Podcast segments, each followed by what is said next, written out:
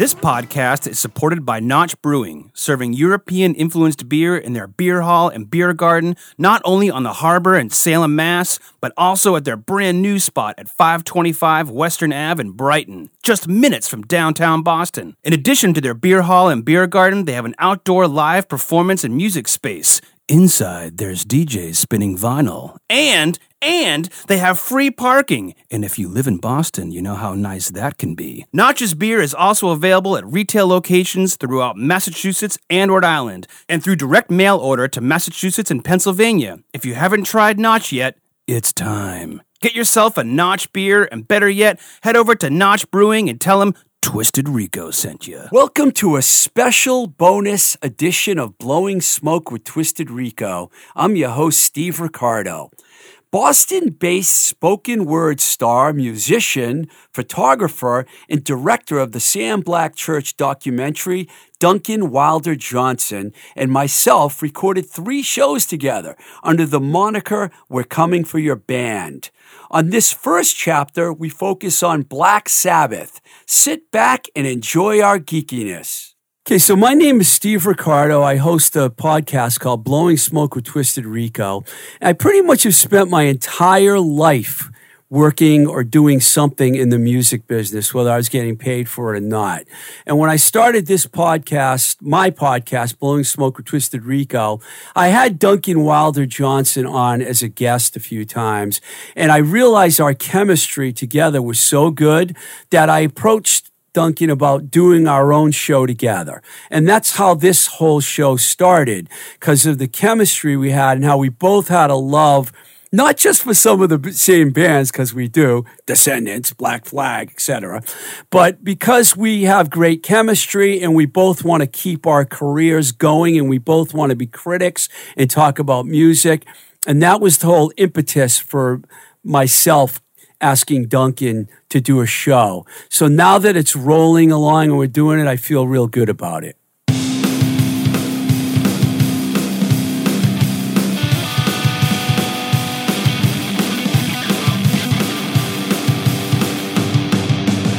We're coming for your band. We are coming for your band. Well, we're getting nerdy. Who are you anyway?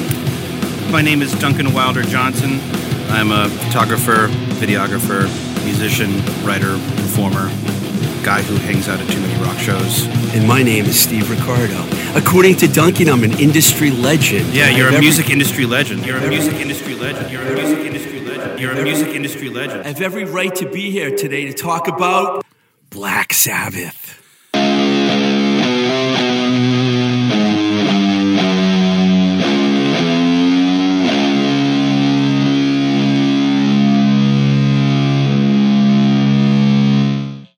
Not a small topic.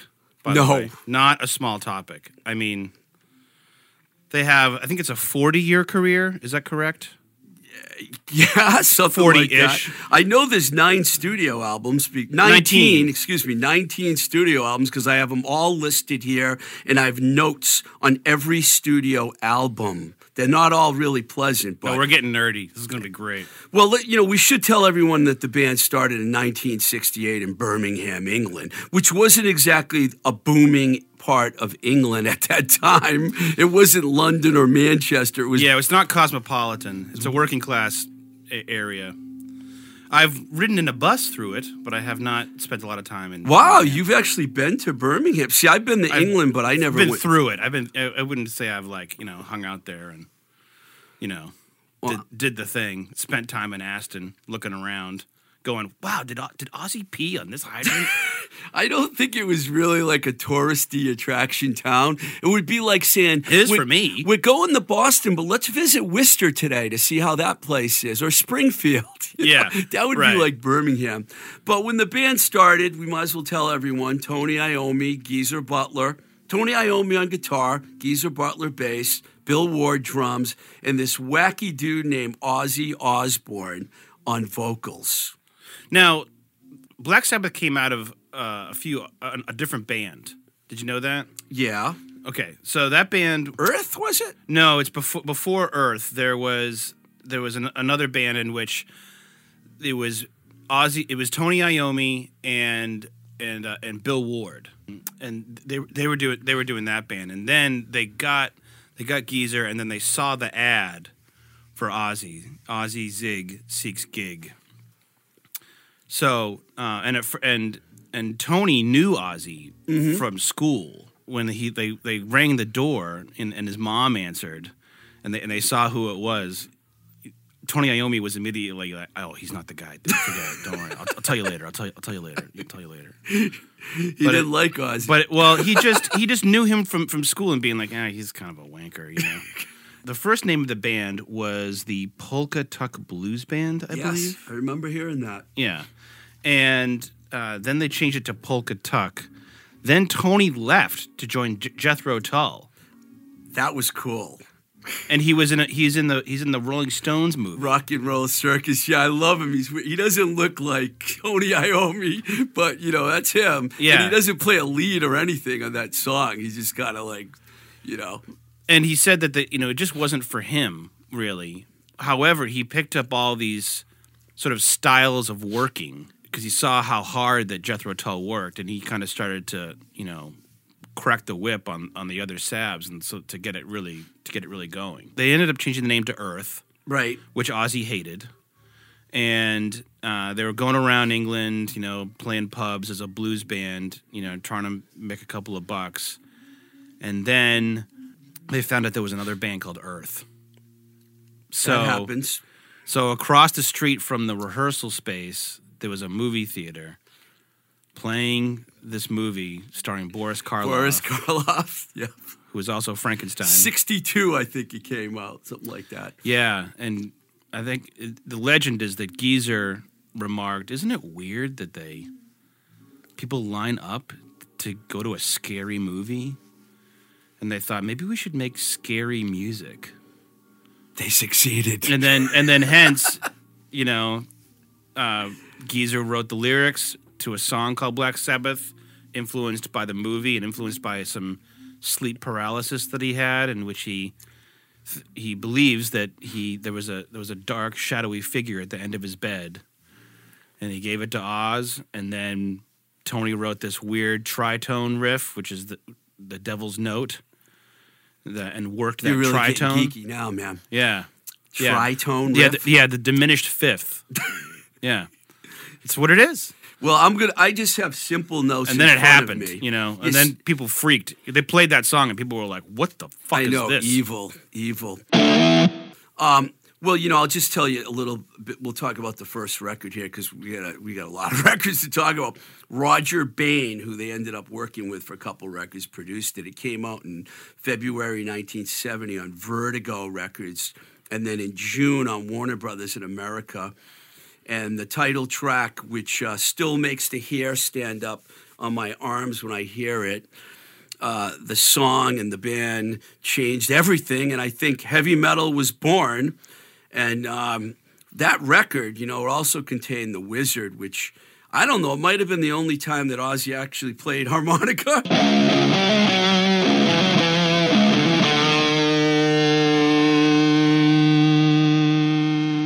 For, for working class blokes that might have a stiff upper lip, some of these things are really vulnerable, you know? And they and they, they talk about war a lot. They talk about suffering. And uh, they talk about, you know, uh, about their feelings and uh, and and and all, heartbreak. And I think that's I think that's pretty pretty amazing for guys who are probably just trying to be like, you know, going to a factory, getting out, going to a pub. You know, the way they were uh, seen by the public is not really the way they were. The public just saw how dark the band was. which is typical of the media. yeah. I mean, they didn't even call them. They didn't even say heavy metal. Somebody came up to them and said, came up to Tony and said, "So you guys are heavy metal?" and he said, "What's what's that?" That also came from a book or a film or something. Probably should. I thought it was. I thought it was just. Uh, there's a big debate about who the first heavy metal band is. Some say it's Blue Cheer. Some say it's Alice Cooper. Some say it's Steppenwolf. I say it's Black Sabbath. I I agree. I agree that it's that, it, that it's what we now know as heavy metal came to fruition with Black Sabbath.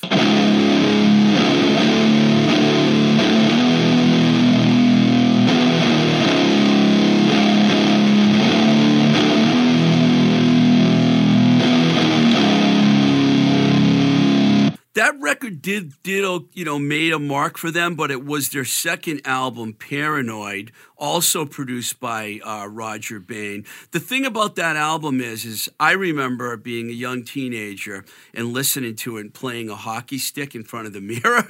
I've talked about this before. You know, high Paranoid? On, yeah, high on weed, playing a hockey stick in front of the mirror.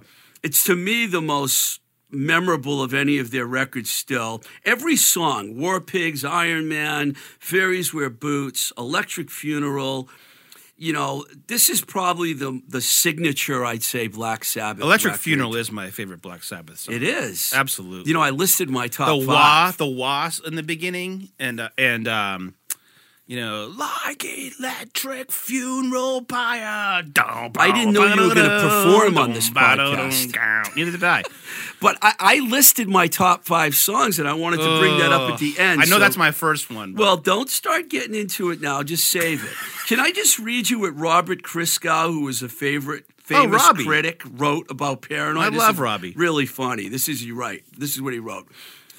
They do take heavy to undreamed of extremes, and I suppose I could enjoy them as camp, like a horror movie. The title cut is definitely stream scream worthy. After all, their audience can't take that Lucifer bit seriously, right? Well, depends on what you mean by serious. Personally, I've always suspected that horror movies catheterized stuff I was too rational to care about in the first place. He gave it a C minus. Robert Christgau gave Paranoid a C minus when it came out. Hmm. isn't it great to be wrong? Yeah. But Rolling Stone, on the other hand, has called this the greatest metal record ever, and I, I probably agree with that. They also have Paranoid at number 139. It's funny how that's that far down on the list in their top 500 albums of all time. Quote Nearly every heavy metal and extreme rock band of the past three decades, from Metallica to Nirvana to Mastodon, owes a debt of worship to Tony Iommi's crushing granite fuzz guitar chords, the Visigoth rhythm machine of Bill Ward and Geezer Butler and Ozzy Osbourne's agonized bray and paranoid Iron Man and War Pigs. That's a pretty good That's good. paragraph That's from Rolling good. Stone. What was I'd that? The, the Visigoth rhythm section. Visigoth rhythm. That's I don't know what writer wrote this. I and then just what was the what was the thing about Ozzy? He said, uh, agonizing bray. "Oh, that's perfect. That says it right there."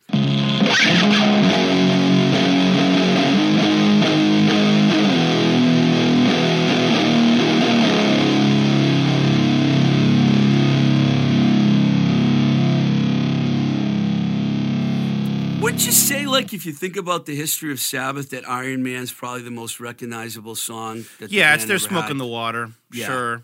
You know, I mean, everybody knows that riff. You know, it's a great riff, but much like other riffs, like say "Smells Like Teen Spirit," it's one of those riffs that as soon as I hear it, I'm like, "Uh huh," which is too bad because that's also another um, really kind of poetic, beautiful song about about um, somebody who feels rejected by the human race and decides to destroy them all. You're deep. That's that's incredible. I am deep. He's deep. DWJ I'm an is artist. deep. We got 19 albums, so I'm going to fly through the albums. 1971, they put those first two albums out in the same year, by the way. Yeah. That is fucking incredible Yeah. in itself, okay? And then in 71, Masters of rarity. Reality, they stuck with Rodger Bain, so they're still with the same producer. It's really amazing, by the way, how many bands during that era used the same producer and over and over again, like Queen. Well, once you get comfortable with Yeah. somebody and you're like, he's our guy, that record you, had you know, it's important. It's an important working relationship between a band and whoever's you know, you know, twiddling the knobs. And you know that that record, Masters Master of Reality, had uh, two enormous Sabbath. Sweet Leaf, no, no, no, no, no. I can do what you do Yeah. too. And uh, Children of the Grave, which Yeah, yeah, that's a worship great, great song. song. Great song. Did you like Masters of Reality? Yeah. Do you want me to tell you how I got into Black Sabbath? Sure. So, uh, That's why we're here. so I'm a, so I'm I I'm a punker. First off, when I when I was 12 years old, uh, there was a girl in the back of the bus. Sorry, I was 11. And the girl in the back of the bus Uh-oh. was Mary Beth Benina, and she liked Whitesnake and Aerosmith. So I became an expert in Whitesnake and Aerosmith. And my mother said that like, oh yeah, my kid's like into skateboarding, and he's like listening to this really bad like commercial metal stuff. And this guy from her work made a mixtape that got me in, that had like Squirrel Bait and all these like punk bands. So I was really into punk for many many years. Squirrel Bait from Kentucky, right? Yeah, Wow, that's yeah. random. That's Yeah. a random. Circle band. Jerk, Suicidal Tendencies, X. Yeah, the, but the bags. Squirrel Bait? Come well, on. yeah, that well, that tape from California song. I love that song. Anyway, Homestead Records, Squirrel Bait. so it wasn't until my until my later teen years where I was hanging out with like the stoner metal kids because those are the kids that were into music and art and stuff like that. That somebody at Joey Gardner's house played Black Sabbath. Now all I knew about Black Sabbath, What was the girl's name? Mary Beth Benina. So Mary Beth and Joey Gardner, you're making them famous here today. Yeah, Fantastic. I've been making Mary Beth Benina famous for years. especially in the back of the school bus. But we're not going to get into that too she was much. beautiful. Anyway, um, She liked White Snake. she liked Whitesnake, dude, and Aerosmith. That's cool though. and Bon Jovi too, if I remember correctly. Oh, So hair bands. yeah, yeah. You don't like me like it when I say that term, but I don't care. I don't know anything about hair bands. says the guy who signed Poison. I, it, it, it was a joke. Okay, so uh, hanging out at Joey Gardner's house, you know, and somebody's like, "Oh, I'll put on some Sabbath," and all I knew about Sabbath was that burnout idiots listen to it. I'm like, "Oh yeah, Sabbath, like that's good." You really thought that? Yeah. Wow. And then Justin Pollock said said, uh, "Oh no, man, they're like really trippy. You got to check it out." You know, because I was into Fugazi and ska, like the Bosstones and the Dead Kennedys and stuff like that. You know, because starting, I was definitely getting into reggae at that time, and then I heard it and I went, "Oh, this isn't like Crazy Train or." Or no more tears or something. This is like a whole other thing. And then I started going down the rabbit hole. And then I realized that all the bands that I liked were influenced by Black Sabbath, especially Black Flag, um, all the Rollins stuff. And that's when I started going down the rabbit hole.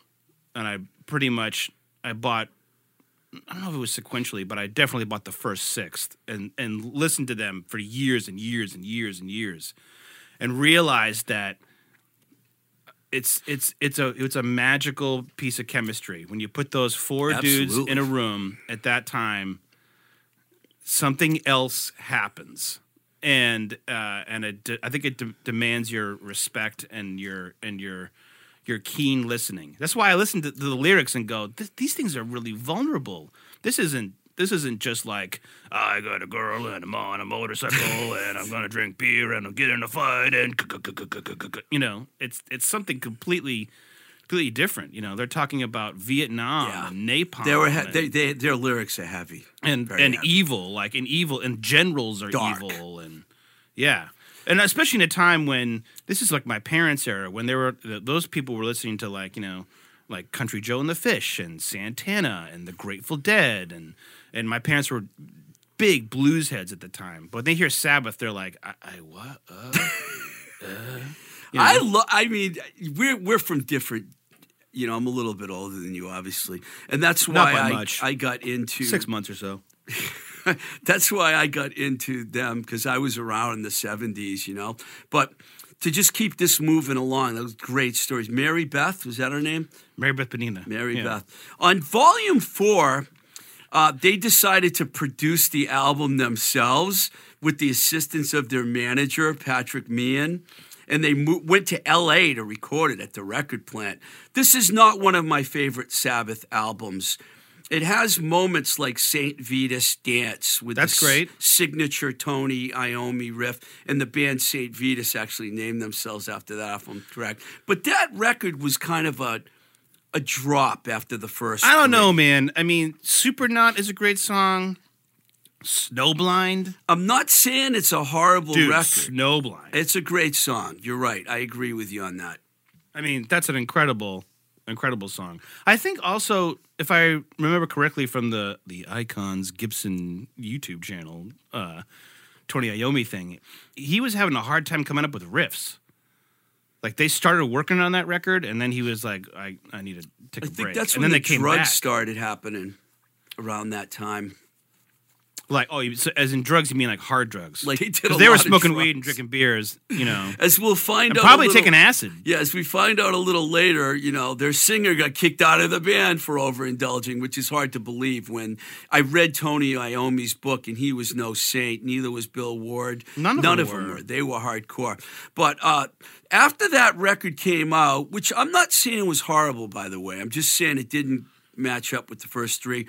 They came back big time in 1973 with Sabbath, Bloody Sabbath, Right. which is another self-produced effort uh, effort for them. And It was it's let you know. Let's put it this way: the song "Sabbath, Bloody Sabbath" is one of their best songs ever. It, it Yeah. has it, the outro on that song. It's like you don't ever want it to end. It's Yeah. just unbelievable. it's incredible. In fact, the whole second half of that song is absolutely brilliant, and I'm going to put that in my top five. I'm letting you know ahead of time. But that I- record. Go ahead. Go, do you say, say your thing about the whole about South Bloody I, pre- I pretty much said it all. I mean, the whole record is solid, but when you have a song like that song on a record, it dominates. It's it's so. It's also the opening track, which Yeah. is great. You know, I also got to say, shout out to uh, National Acrobat. That's a great song. Overcast covered that. deep track. You're going deep. Yeah, well, Overcast. This is track two, man, side A. But uh, over Overcast, the kids That's I deep. the over the kids that I hung out with in high school, you know, with Joey Gardner and all, the, all all those guys that got me into Black Sabbath, they covered National Acrobat. Also, shout out to uh, Killing Yourself to Live, track uh, track one on side two, and Spiral Architect also has some incredible Ozzy uh, melodic singing. You got lost in that record this So- week, didn't you? Um, nah, not not totally. I wanted to get more lost, but I'm so damn busy. Anyway, go ahead. Sabotage, 1975. They had Now, to- opening track is incredible. on Hole in the Sabotage. Sky. That's that's one. of- That's probably one of my top five Sabbath songs. Actually, Well, let me just give you a little like. Background about the record, like I've been tr- attempting to do here. But you're you're you're taking it all in stride. It was another self-produced record. This guy they used this time they used a guy named Mike Butcher. I didn't research him or anything, but there was a lot of turmoil in the Sabbath camp as they parted ways with their manager at the time. And Oh. honestly, this record is lacking, and they even admit that in interviews. In fact, in various books and publications at different times, all the members were disgruntled about the release and the cover, which some people say is one of the worst heavy metal album covers of all time. Although I do have to say one thing about this album. Um, Symptom of the Universe, which is sparked by Right. unbelievable drumming, is one of one Greatest of the riffs. best drum songs. And plus, Iommi's guitar leads on that song. So I'm going to take that track out of that record. If, as you notice, I'm only picking a couple tracks. yeah. So in, on this record, for me, it's definitely "Hole in the Sky" and "Symptom of the Universe." "Symptom of the Universe" also Great covered, covered by Sepultura in the '90s. Yes. um, is one of the greatest sort of heavy metal guitar riffs. The How many times Great. can you say that about Tony Iommi, though? That's one of his great pretty much we, guitar should, riffs. we could just do the whole show on Tony Iommi's riffs. the riffs. He's the riff master.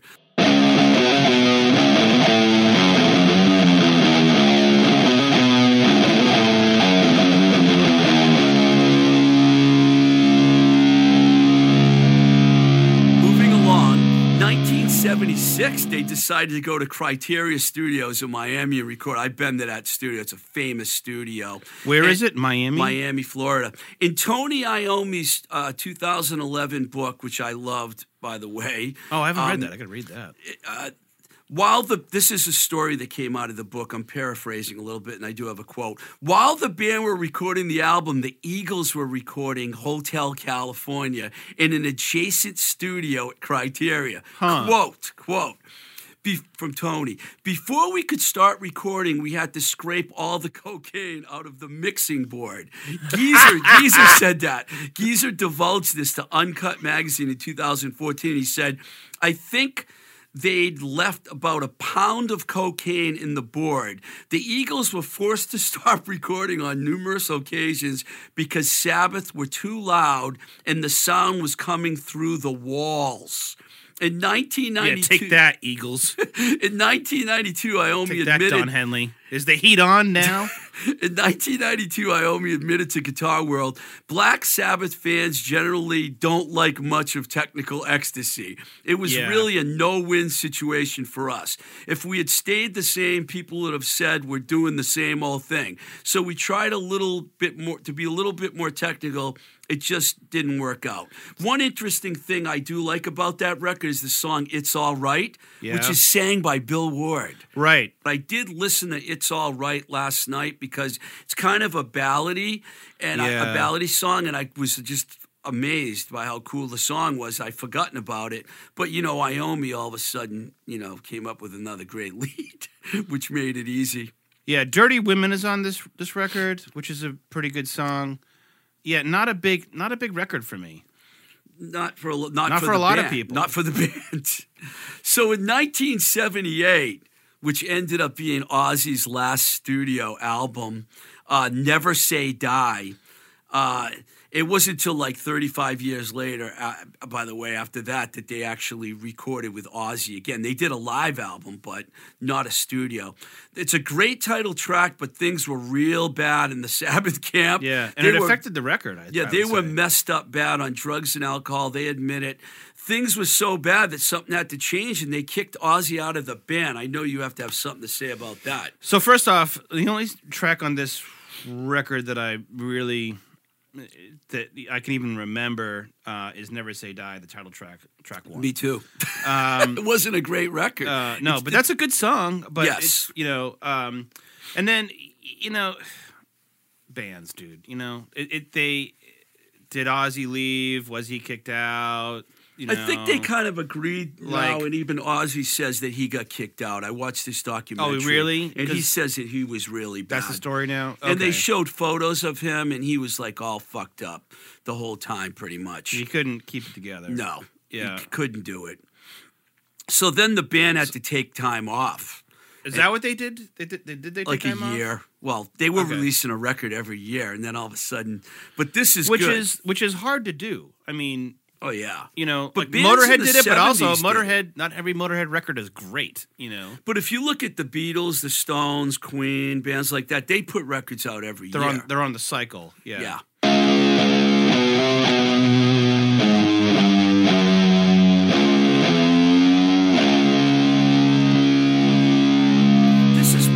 Got really interesting. Ronnie James Dio, who I Okay. personally put up there with the metal god Rob Halford as perhaps the greatest heavy metal singer. Now, do, are you going to give some context of who Ronnie James Dio is at this time?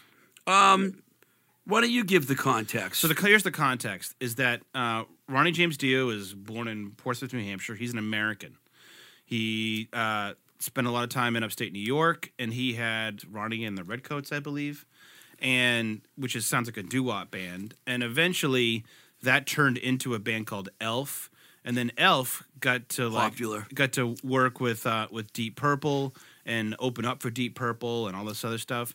And as time went on, uh, Ritchie Blackmore from Deep Purple was like, "I'm sick of Deep Purple. I'm going to make a new band," and uh, went went to Dio and said, "Do you want to be in my band?" And he said, "Yes, but you have to take my guys." So the first incarnation of Rainbow is basically Elf with with Ritchie Blackmore, although Ritchie Blackmore is calling the shots. And then uh, most of that band got got fired. Then it was the They next Rainbow it. record is is a, is a different band, um, but it's still Ronnie James Dio and Ritchie Blackmore. And as time is going going on, um, uh, you know, everybody in in those kind of camps, like the the the Deep Purple, Black Sabbath, you know, world, they know who Ronnie is. yeah, yeah. And so Ronnie kind of and and everybody kind of goes like, that guy's pretty small, but he's got a hell of a He voice small. and a hell of a presence. And so what happened was they they being Black Sabbath were messing around with stuff, and Ozzy wasn't around, and he said, "Ronnie, why don't you come come in for a play?" He's like, "Listen to this this song," and it, and Ronnie James Dio said, "Yeah, give, give me five minutes. I'll be right back." Came back, came back with the lyrics for "Children of the Sea." Good song. That's He a sang it. paragraph. He sang it, and then Tony Iommi just just went, "Yeah, Ozzy's out." You know what this the interesting part is? That's really good background you just gave right there. When Dio came, he brought Martin Birch with him, who he worked with and produced Rainbow. And He's a legendary metal producer. I mean, Yes. Iron Maiden and all kinds of stuff. But but Rainbow and him were, you know, they had Yeah. worked together. Yeah, so he brought him in and they came up with this masterpiece. They actually went back to Criteria Studios in Miami and the magic was real. To me, the title track is probably one of the best heavy metal songs ever. And as you mentioned, Children of the Sea, talk about heavy riffs. Yeah. I mean, that song's loaded. and beautiful singing too. Very like Yeah, just you know he can sing. to the children. I'm not even doing it justice. Yeah, I didn't know you were going to sing so much on this podcast. I would have like cleared my throat a little more and came up with I some would have I would have warmed up. You know, along with the first two, you might you're not going to agree with this at all, but I'm going to say it anyways. Along with the first two Black Sabbath albums, you know, uh, and Sabbath Bloody Sunday, Sunday, Sa- Sabbath Blood, Bloody Sabbath. This album, in my opinion, is one of is one of the top Black Sabbath records made. I put that right up there with Paranoid, the first album. Um, Sabbath, Bloody Sabbath, and then I put Heaven and Hell.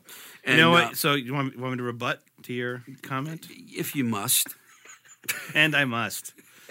I so my firm belief about Black Sabbath is that there are there are multiple bands that just happen to all have Black Sabbath and happen to all have Tony Iommi, but they're all different bands. This is a different band.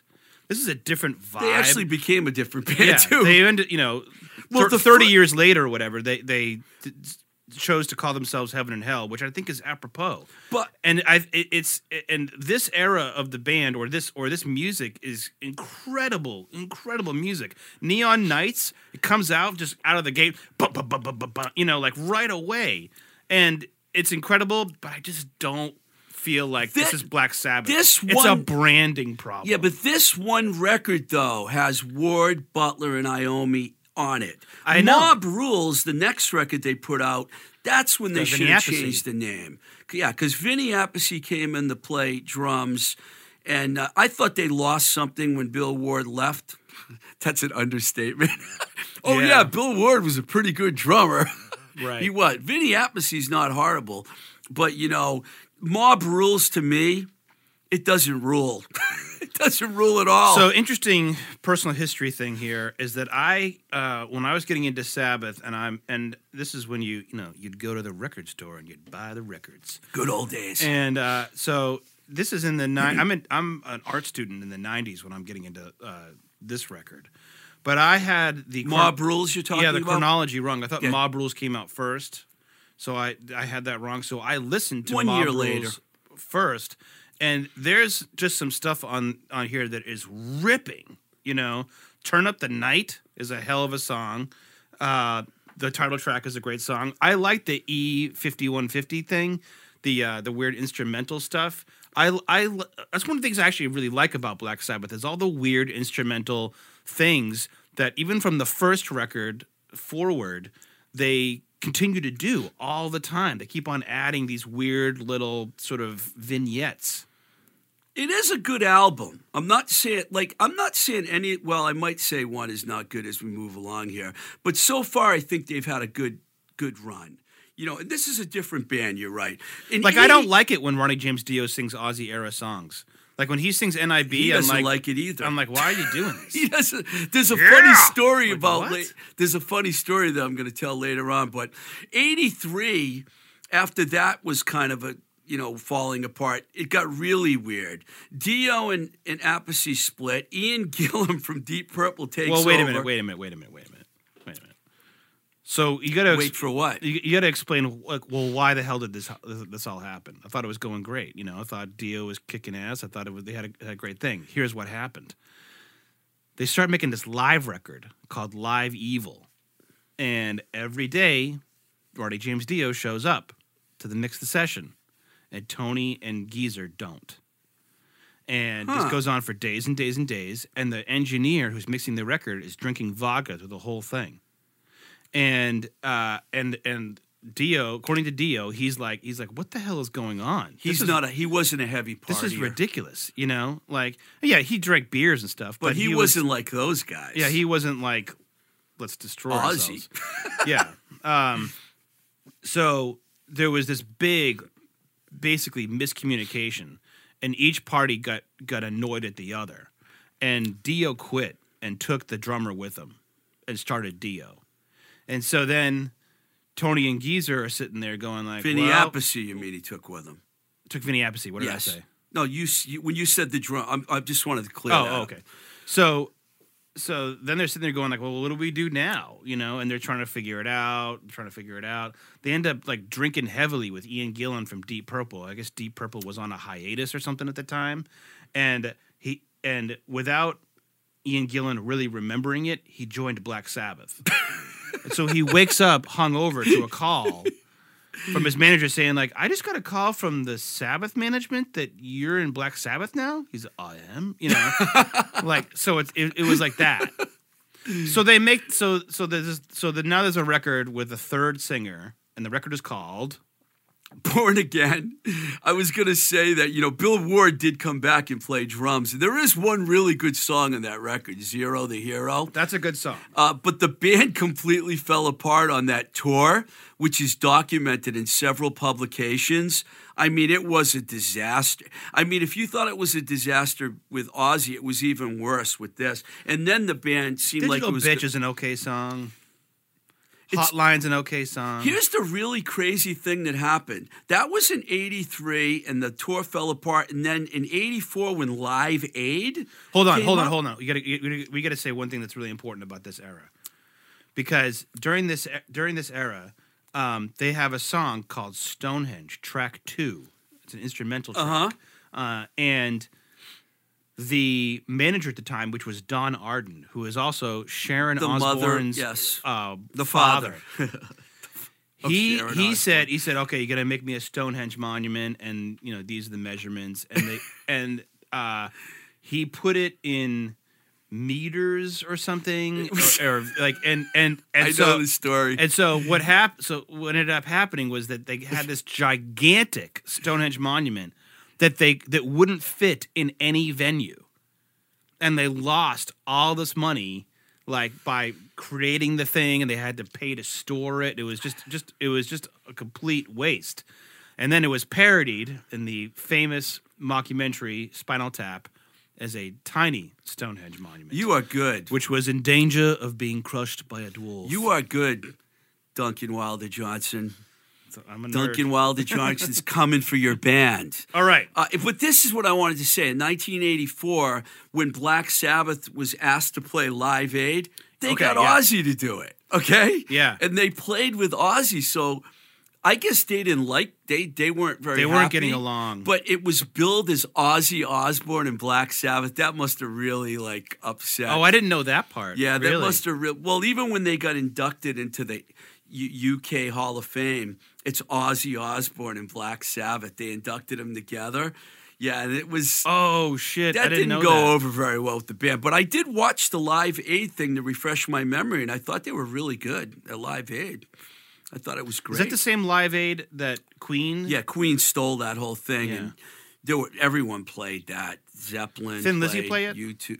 No, I think that Was, uh, was Phil dead by then? I think he was. Okay. I have to. I don't want to. that'll be another episode. Yeah, Thin Lizzy definitely didn't play live.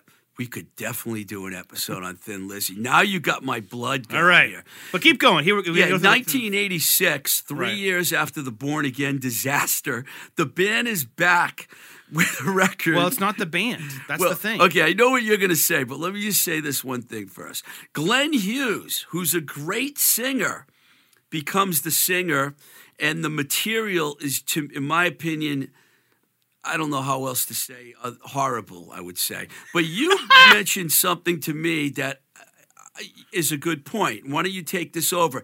You don't really think it was a Black Sabbath record, Well, it was never intended to be a Black Sabbath record. except for the label.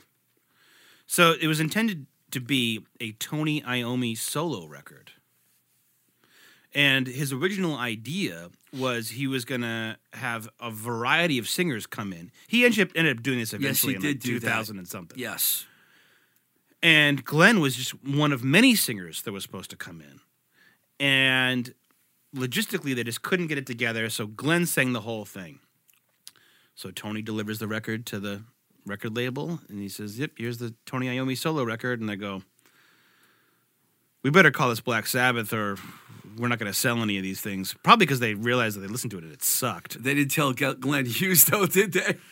And so and so then Glenn Hughes gets you know gets a call from whoever whoever's in charge, and it says like I'm singing in the Tony Iommi project. I'm not singing in Black Sabbath. Um, so it's it's uh it's shite as they say. Yeah. It's shite. you know what I'm going to do for I'm just gonna you know I don't, I, I, and I would love for somebody to, to uh, send us some hate mail and say this is a great record. You don't know what you're talking about. Uh, but I listened to it and I. I think it's I think it's shite. Uh, I'm going to save some time here because we don't want it, this to last forever. And I'm going to just bundle up Seventh Star, The Eternal Idol, and Headless Cross And all Tire into as one. well? Enti- tire, yes, entire. I'm going to just bundle those all up and say, you know, it was an okay period. There was some decent stuff. The Headless Cross record, I think, got really good reviews. We also have to state that this is a different vocalist here. yeah, Tony. This Martin. is Tony Martin. Yeah. Who's actually a very, very good singer. so he sings on The Eternal Idol in 1997, Headless Cross in 89, uh, Tyr in 1990. I know you Which said the opening that track is actually a, Yeah, has you- a great riff. Cozy. Powell on drums too. Yeah, Let's not hell of a that. drummer. I mean, it's a hell of a band. Yeah. Uh, but is it Black Sabbath? Mean, again, this is a branding problem. I'm starting to I don't think it's Black. Sabbath. I think it's just another kind of interesting heavy metal band. Is it as important and as visceral and uh, connecting to your brain uh, and as important in history as the first six records? No. Fuck no. No. Uh, however, it's you know, it's and it's not Tony Martin's fault. It's I, again, I think it's the record label's fault. They keep on making these guys use this Black Sabbath moniker, and Tony's the only original member. I'm going to bundle things up a little more here with the with the next three records, but I do want to say Well, wait a this. minute. Dehumanizer is really Yeah, yeah, that's I got a whole paragraph Okay, on that record, all man. right, okay. I'm like, I like that record. Okay. Uh, this is when uh, things kind of picked up, and Geezer Butler returns, and Dio and Vinny Appice are back, and this is really heaven and hell, not Sabbath. But Tony Iommi refused to give up the Sabbath moniker, as you said. Maybe it was Warner Brothers. Somebody did. The Mob Rules lineup was really good. TV Crimes is one of the better tunes on this. yeah. So album. yeah, Dehumanizer is Tony Iommi, Geezer Butler, Ronnie James Dio, and Vinny Appice. yes. and it rips. Um. This Bad cover though. The cover is stupid. Yeah, this this album when they went on tour, things didn't end well because um, Dio was quoted as calling Ozzy a clown, and this mm. is right before they were doing this little reunion thing during the Ozzfest. I saw a little documentary about this, and he quit before the last show when they said we're going to do four songs with Ozzy. Rob Halford great footage on YouTube. Actually fills in on vocals on those last two shows. They were great. I haven't seen that yet. And there's great footage online because Bill Ward's out there too. And then Ozzy reunited with them for four songs. So it was kind of you could tell that they that that the guys in the band were confused because they kept changing lineups and all this weird shit was happening. Then they did two more records, which with Tony Martin, which I don't know why, but um, I well, I think even- Dio quit, and he was like, "I'm not fucking doing this anymore." Yeah, he again." quit because of the and and then Ozzfest. and then I think Tony kind of said uh, said, "All right, let's just go back to like what I was doing before."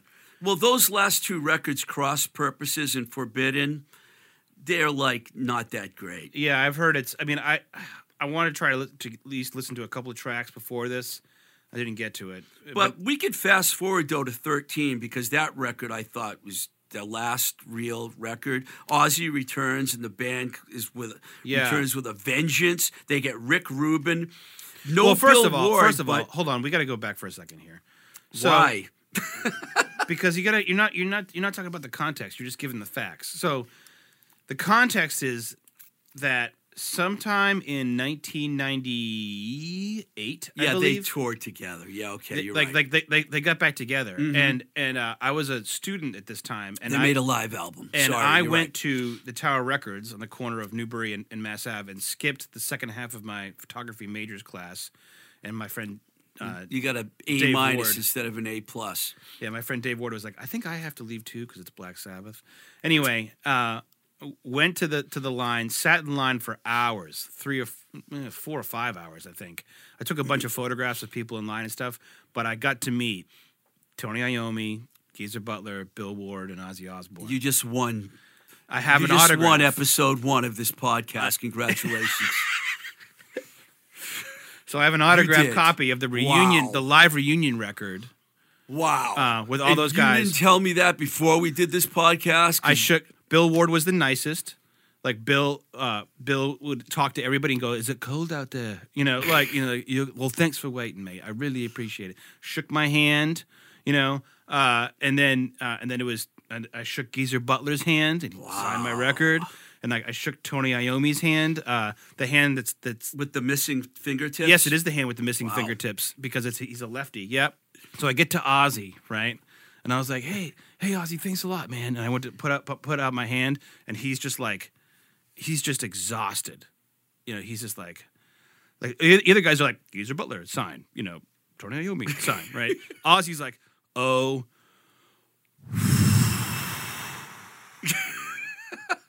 Z." and then his his handler guy looks to me and goes Finish the signature. goes goes goes goes goes hey mate how long you been waiting? And and uh, i said uh since two o'clock and it was about seven and ozzy osbourne just looks at me like you've got to be fucking kidding me like and I, and I was like uh, okay and then like i didn't get to shake ozzy's hand but i have the record. So they so they do this, and it was like it was obviously a big deal because nobody liked like the last what? One, two, three, four, five, six, se- seven records with the exception well, of Dehumanizer. I like some of the songs on some of them. I know, but people people came out to see Dehumanizer. There's a famous bootleg of Black Sabbath at at um, the Orpheum. Uh, at the Orpheum from 1992 with Ronnie James Dio singing. Wow, I wish I was at that show. What a great place! I think BC. I think been to see BCN recorded it or live Wow. broadcast or something, and there's a bootleg of it, and it's Wow. incredible. I want that. Yeah, it's so cool. So they do these big tours. They play Ozzfest a bunch of times. I remember I saw them numerous times uh, on Yeah, you, this you, thing. you you wouldn't let me skip uh, uh, 18 years and fast forward to 13. I appreciate that. Though. well, there's yeah, we got to put the put the You thing in there. So because they did these interviews on MTV and they were back together and everything, and everyone's like, it looked awesome. magic is here. But they didn't It's make like a the Beatles record. getting to get They together. couldn't make a record though. well, did they try? I don't know. They did a live. They did the live record, and that's it. I don't There's know. two studio tracks on there that are awesome. That's right. There is two. Okay, so they did try, but that's a long time to not make a record. Well, Ozzy was still making records. I bet. Ozzy was making records. he had a TV show. He had all kinds Yeah. of stuff going on. Yeah.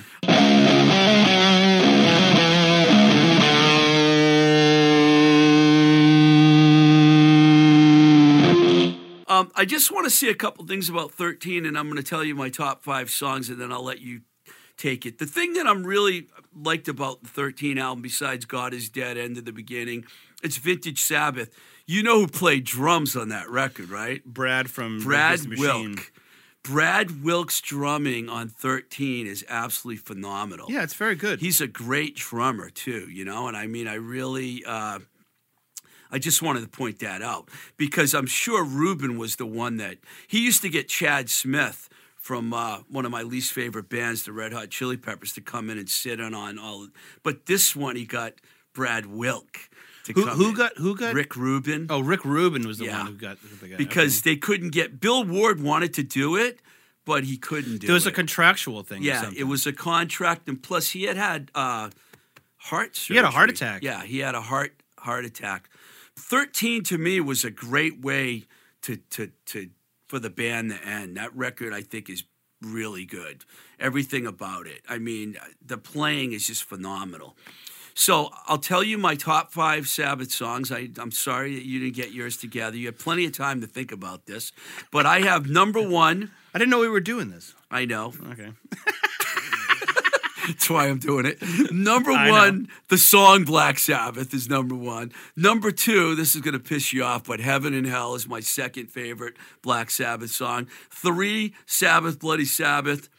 Four, War Pigs from Paranoid. Five, Fairies Wear Boots from Paranoid. And I'm going to do an honorable mention tie between Sweet Leaf and Children of the Grave. And that's that's my Black Sabbath story. All right, so here's here's I'm going to put a stake in the ground right now. Black Sabbath only has one singer, and his name is John Ozzy Osbourne. Then there's these other bands that happen to have happen to be in a band called Black Sabbath with Tony Iommi, and those are that's not Black Sabbath. Those are other bands. So my favorite Black Sabbath songs with Ozzy Osbourne on vocals is going to have to start off with uh, Electric Funeral. That's a big one. I'm going to go. I noticed you got an erection when we talked about the Paranoid album. You brought up it's good. Electric Funeral. It's good. The I'm table go- started moving. I knew I'm something gonna go. was going I'm gonna on. go Hole in the Sky and Symptom of wow. the Universe Wow. right off the Deep. bat. Um, uh, War Pigs. How can you not love that song? War Pigs is a great song, and then I think I'm gonna go NIB, Interesting. We're close. and then I'm except- gonna go, and then I'm gonna say there's this other band called Black Sabbath with Ronnie James Dio who Yeah, sings, there's no way. and then it's all about Neon Nights, baby. Okay, well, I'll say one thing and then, well, maybe that'll be it. I will say that I disagree with you. I don't think it's Ozzy's band. I think it's Tony Iommi's band. He kept the name going. He's weathered the storm and he was always there to deliver his fans, for his fans. I think he's the heart and soul of Black Sabbath. And and I'm also going to say this. If you don't think Heaven and Hell is one of the greatest metal songs ever, I don't know what I'm even doing here talking to you. So I think Heaven and Hell is a great song. I just think it's by by a band called Heaven and Hell. And so I'll, I'll say that. And I don't think that there's one member that is the heart and soul of Black Sabbath. I think Black Sabbath is the heart and soul of four working class blokes. From Birmingham, England. Yeah. Okay, I'm Steve Ricardo. I'm Duncan Wilder Johnson. We're and we're coming for, your, band.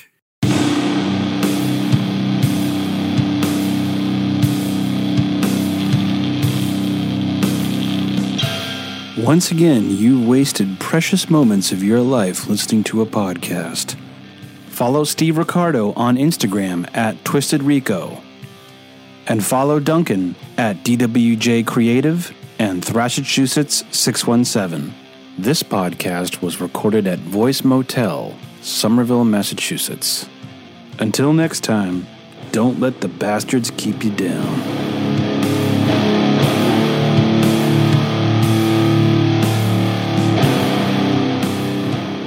Thank you to everyone that supports this show on patreon.com forward slash twisted rico. You can also support the podcast on Anchor, which some of you have done and more of you can do it. Anchor.fm forward slash blowing smoke TR, which is actually where the official website for the podcast is. If you want to write me, you can reach me at twistedrico at gmail.com, at blowing smoke with TR, at blowing smoke BS on Twitter, and we also have a Blowing Smoke with Twisted Rico YouTube page. Thank you very much to Mike Nash here at Voice Motel in Somerville for engineering the show. Till the next time we say goodbye, this is Blowing Smoke with Twisted Rico, and I'm your host, Steve Ricardo. Keep the rock and roll alive.